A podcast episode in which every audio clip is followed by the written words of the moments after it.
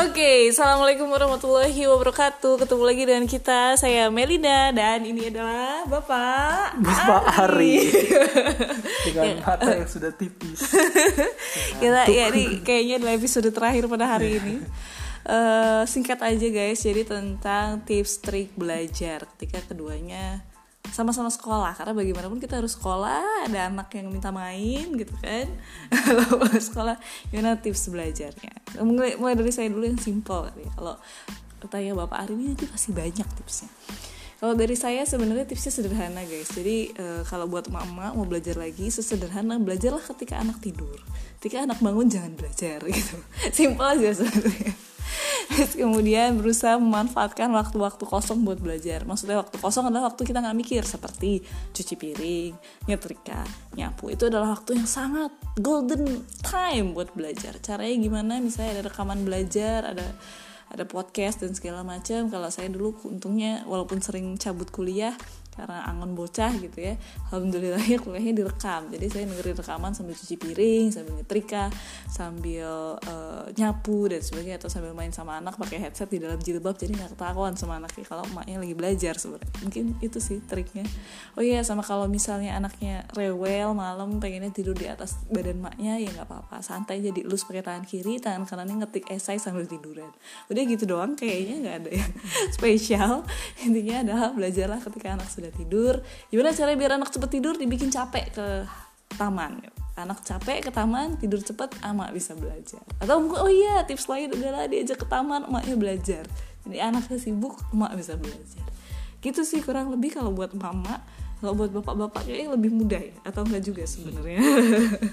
Iya, kalau dari saya sih nggak ada strategi khusus karena yang namanya belajar pada intinya kita harus banyak membaca, menyimak gitu ya dan memang tantangan dalam belajar itu adalah bagaimana memotivasi diri kita untuk memiliki motivasi belajar yang konsisten.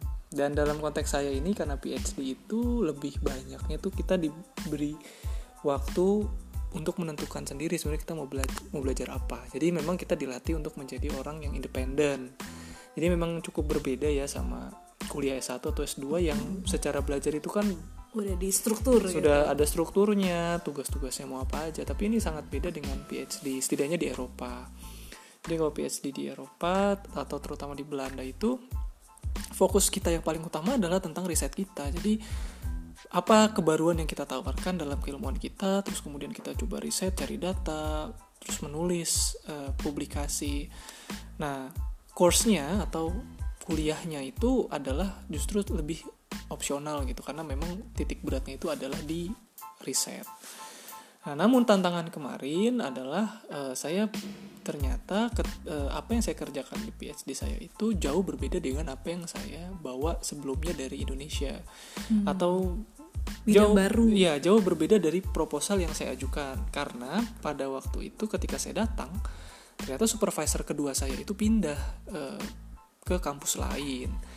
Dan sementara pro, uh, proposal riset saya itu lebih mirip atau lebih cocok dengan keilmuan supervisor saya yang pindah ini. Nah, ketika supervisor saya pindah kampus dan saya baru datang pada waktu itu saya konsultasi ke profesor, dia bilang bahwa Ri kayaknya kita harus sedikit menggeser topik uh, disertasi kita. Sedikit ya. Sedikit tuh, padahal hmm. banyak banget gitu. Ya di situ kemudian saya mulai ngerasa bahwa wah kacau nih karena uh, ternyata materi yang yang saya kemudian kerjakan itu jauh berbeda dan bahkan saya tidak memiliki basic sama sekali. Nah, di situ yang saya uh, rasakan adalah uh, pertama justru adalah kepasrahan gitu bahwa uh, tidak ada manusia yang sebenarnya pintar. Semuanya itu di mata Allah itu adalah kita makhluk yang lemah gitu ya. Dan ilmu itu diberikan karena memang Allah mengizinkan. Jadi ketika dalam proses pada waktu itu saya ngerasa di waktu yang sangat pendek saya harus menguasai begitu banyak materi yang saya lakukan pertama kali adalah meminta izin kepada Allah untuk mengizinkan saya untuk bisa menerima ilmu itu gitu. Untuk menerima ilmu yang dibukakan nah, jadi memang karena ilmu itu punya Allah jadi itu yang yang yang pertama. Karena bagi saya tuh sedikit gimana ya secara logika tuh mustahil sebenarnya. Saya hanya punya waktu misalkan kurang lebih iya, enam bulan oh, ya. saya kurang lebih enam bulan sebelum saya sidang proposal saya harus membuat proposal dengan bidang ilmu yang benar-benar saya nggak tahu. Gitu. Saya adalah orang yang self motivated dalam belajar tapi ketika saya diberikan tenggat waktu enam bulan yang harus mempelajari sendiri semua materi-materi Dari nol. dari nol gitu ya yang bahkan saya bahkan minus gitu yang basicnya aja saya masih harus dikejar dulu gitu. Itu nggak nggak masuk akal buat saya. Karena ke, ujungnya adalah saya harus menghasilkan suatu proposal riset yang menawarkan kebaruan di bidang ilmu tersebut. Bayangkan saya belum tahu bidangnya. Dasarnya apa? dasarnya apa saya belum tahu. Di a- ujung bulan ke-6 saya harus mengajukan sebuah proposal yang bisa diterima bahwa proposal ini akan mengandung sebuah kebaruan di ilmu tersebut. Bisakah anda bayangkan apa yang saya rasakan gitu?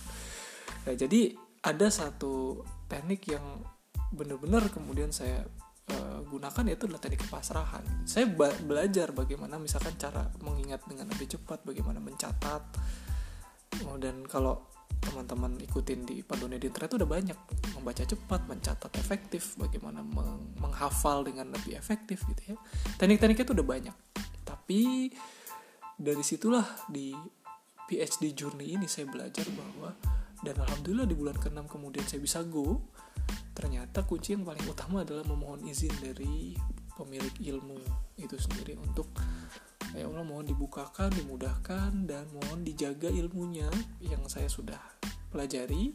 Yang tadinya awalnya saya itu begitu stuck gitu, sulit sekali memahaminya, lama kelamaan semakin ke sini saya semakin merasa bahwa ilmu ini semakin cenderung lebih mudah untuk saya terima. Eh, kemudian jadi lebih bisa menulis gitu. Banyak yang bisa saya tuliskan banyak yang alhamdulillah malah bukan hanya pada waktu itu jadi satu proposal tetapi sebelum proposal itu saya tulis saya sudah memiliki satu publikasi ilmiah di bidang yang saya sebenarnya nggak nggak ngerti sama sekali gitu. Tapi alhamdulillah jadi gitu. Dan alhamdulillah saya mengerti akhirnya. Dalam waktu enam bulan itu muncullah satu publikasi artikel ilmiah dan satu proposal yang alhamdulillah lolos. Nah, jadi mungkin itu ya yang bisa saya share gitu. Kalau teknis-teknis saya pikir di internet di Google udah banyak banget lah. Studies uh, learning strategy, effective learning strategy, effective learning guide. Silakan cari aja di Google dengan kata kunci tersebut. Tapi satu hal yang ingin saya sampaikan dan saya pelajari dengan sangat-sangat intens gitu ya. Bahwa niatkan uh, lurus gitu bahwa belajar memang untuk beribadah dan mohon izin dibukakan pintu uh, kefahaman. Kefahaman. Iya. mohon dibukakan pintu kefahaman agar agar kita itu bisa menguasai mengingat dan dengan harapan dengan kita menguasai ilmu ini kita bisa menjadi orang yang lebih baik dan lebih bertakwa gitu Amin, Masya Allah luar biasa Pak Ustadz. Iya Pak betul Ustadz. sekali. Pak Ustadz kan iya betul sekali Masya Allah. Itu tapi itu juga yang jadi salah satu eh, tips saya mungkin ya. Saya, saya lupa tadi ngomong bahwa memang kalau saya sendiri ngerasain bahwa yang namanya berdoa sebelum belajar sesederhana, sesederhana Robi Sydney ilmu warzuqni fahma amin itu does really matter ketika udah berdoa sebelum belajar tuh rasanya gampang gitu kayaknya ya O- eh, ilmu tuh masuk lebih mudah paham lebih mudah daripada kalau tidak berdoa dulu sebelum belajar. Nah gitu aja kayaknya ya sudah malam sudah saatnya beristirahat buat kami. Atau di Indonesia jam berapa nih jam 3 pagi kayaknya.